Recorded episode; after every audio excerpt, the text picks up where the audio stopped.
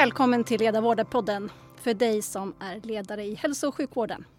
Podden görs av Bonnier Healthcare och dagens Medicin Agendas område ledarskap för vården. Vi träffar intressanta ledare och samtalar om skarpa dilemman. Öppet och bjussigt och delade lärdomar. Jag heter Isabelle Selin och är VD för Bonnier Healthcares verksamhet i Sverige. I botten är jag specialistläkare i geriatrik. Och jag heter Nina Hedlund och är verksamhetsansvarig för ledarskap för vårdens program och nätverk. I begynnelsen är jag sjuksköterska och journalist.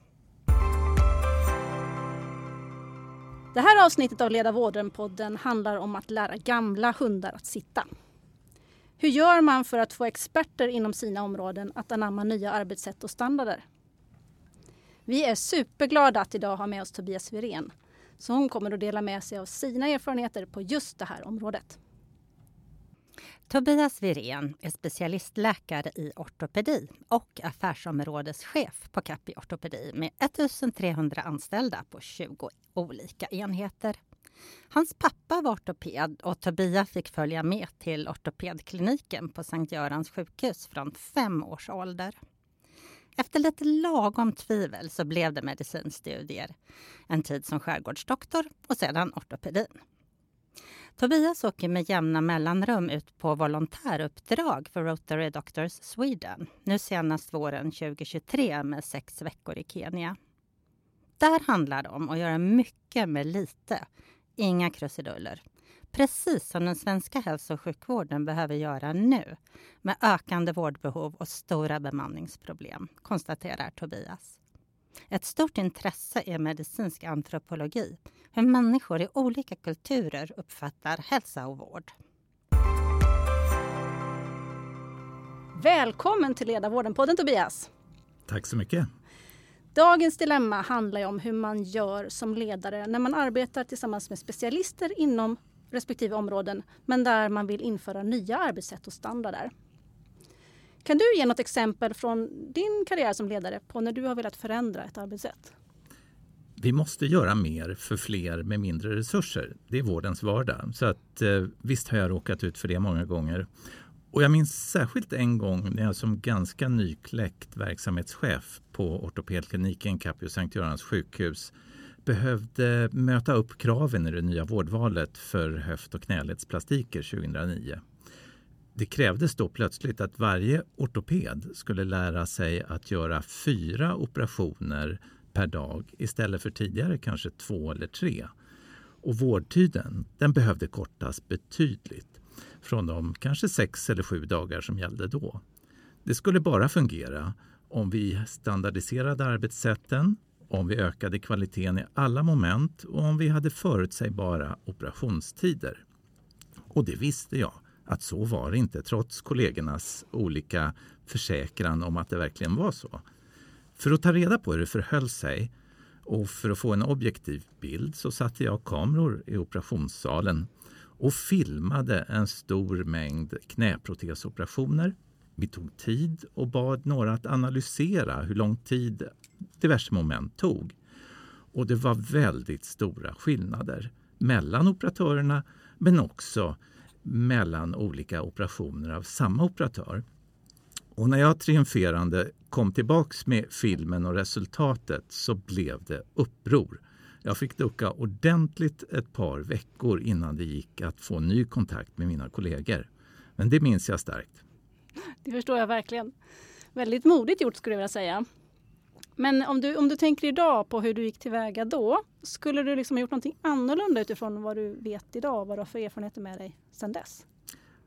Kanske den viktigaste lärdomen är att jag var ju inte ärlig i mitt uppsåt, utan jag ville ju då ha rätt istället för att faktiskt vara fördomsfritt nyfiken bara.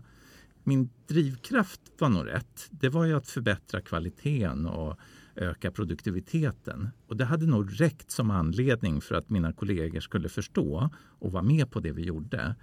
Men, men istället så uppfattades jag som en ganska falsk förståsigpåare. Och dessutom så var de flesta kirurgerna både mer erfarna och duktigare än vad jag själv var. Så att min röst vägde inte så tungt i, i det läget. Då. Men jag tror att det räcker faktiskt med att vara ärlig och det är den viktigaste lärdomen. de här gamla hundarna som du pratar om, de är ju viktiga att ha med sig. För de är ju ofta våra mest kunniga kollegor. Och deras signal om att allt kanske inte ska köpas på en gång är faktiskt riktigt viktig. Och man kan bekräfta deras roll som föredömen och att eh, med att deras beteenden kommer att studeras utav de yngre kollegorna för vilka de här äldre kollegorna är föredömen.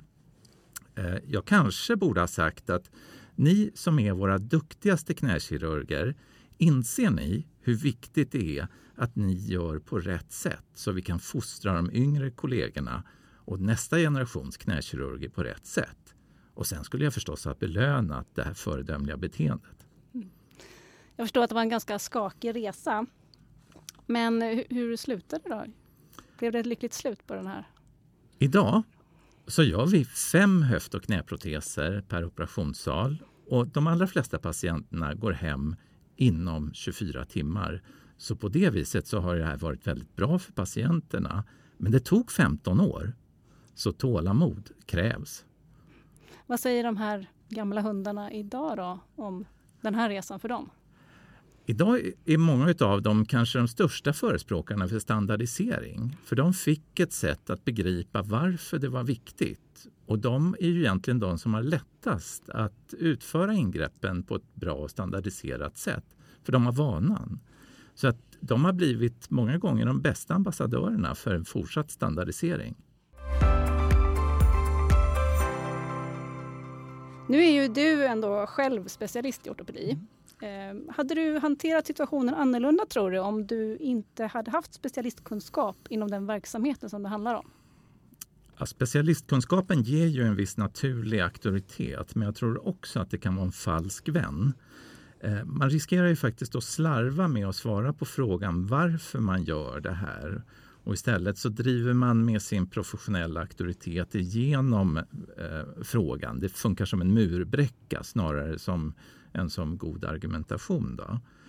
Och om man saknar det här övertaget så kan det ju ibland innebära att man faktiskt är tvungen att vara lite mer ödmjuk och använda de viktiga komponenterna i ett gott ledarskap.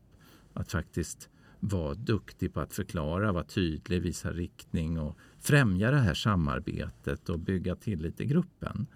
Så jag tror att det kan funka åt båda håll. Det kan vara bra men det kan samtidigt också innebära en del fällor. Mm. Nu sa du att eh, den här verksamheten som du genomdrev den här förändringen på, de är nu ambassadörer för nya arbetssätt och standardisering. Men vad tror du om, om den här inställningen till det mer kollektiva perspektivet och lärande? Tror du att det håller på att förändras? Är det liksom en generationsfråga till viss del? Delvis kan det nog vara det och jag tror att vi har sett ett paradigmskifte för en 10-15 år sedan där vi som kirurger gick från att vara ensamvargar som Stålmannen till att nu kanske vara en lite mer teamorienterad och nedtonad Clark Kent. Alltså man, teamet har fått en större betydelse för själva utfallet för patienten och då inordnar man sig säkert i den rollen på ett annat vis. Sen är det väl så att tror jag att varje generation formas ju av hela det samhälle vi lever i och insikten om teamen är större idag än vad det var förr. Men den kultur som finns på respektive arbetsplats är kanske den allra viktigaste för om man accepterar ett mer kollektivt eh, fokus eller om man eh, tror på individualismen i jag tror att sjukvården behöver gå mot en samskapande och samverkande kultur istället för den här prestationsinriktade kulturen där vi mäter detaljer och kräver an, utkräver ansvar och, och delar upp verksamheten i en massa smådelar. Om vi kan röra oss mot en samskapande kultur där team har större betydelse så tror jag att det kan lösa en hel del av de problem vi ser idag. Om du skulle då skicka med ett gott råd till en ledare som lyssnar och som står inför en liknande situation av den som du hade eh, på ortopedin där. Vad skulle det vara? Ja, mitt motto är krångla inte till det. Men, men sen också att vara ärlig med uppsåten. För om man, ofta räcker det, om det är att du vill förbättra för våra patienter och förbättra vården så behövs det inte så himla mycket tillkrånglad argumentation. Så ärligheten i det och att ha svarat på frågan om varför vi gör olika saker, det tror jag är det centrala. Sen som jag var inne på också så är tålamodet en viktig del. Många av de frukter som vi skördar de, de kommer långt senare och det är lätt som ledare att ge upp på vägen. Ehm, kanske inte hade återvänt till arbetsplatsen om jag hade känt efter de här första veckornas eh, drama efter, i filminspelningarna att det hade varit värt det. Men, men det är värt det. Stort tack Tobias för att du var med oss idag. Följ med till nästa avsnitt av Ledarvården-podden. Att få uppdraget att leda en förändring som någon annan eller några andra bestämt högre upp i organisationen är inte ovanligt för ledare i vården, eller hur? Att få i uppdrag att slå ihop två verksamheter är inte heller ovanligt. Nästa avsnitt innefattar bägge delarna i en riktigt tuff utmaning. Vår gäst blir Annette Gran som är verksamhetschef och vårdenhetschef på cancer och lungvårdsenheten på Universitetssjukhuset i Linköping. Välkomna att lyssna in och tack för idag. Producent för Ledarvården-podden är Nina Örnfjäder.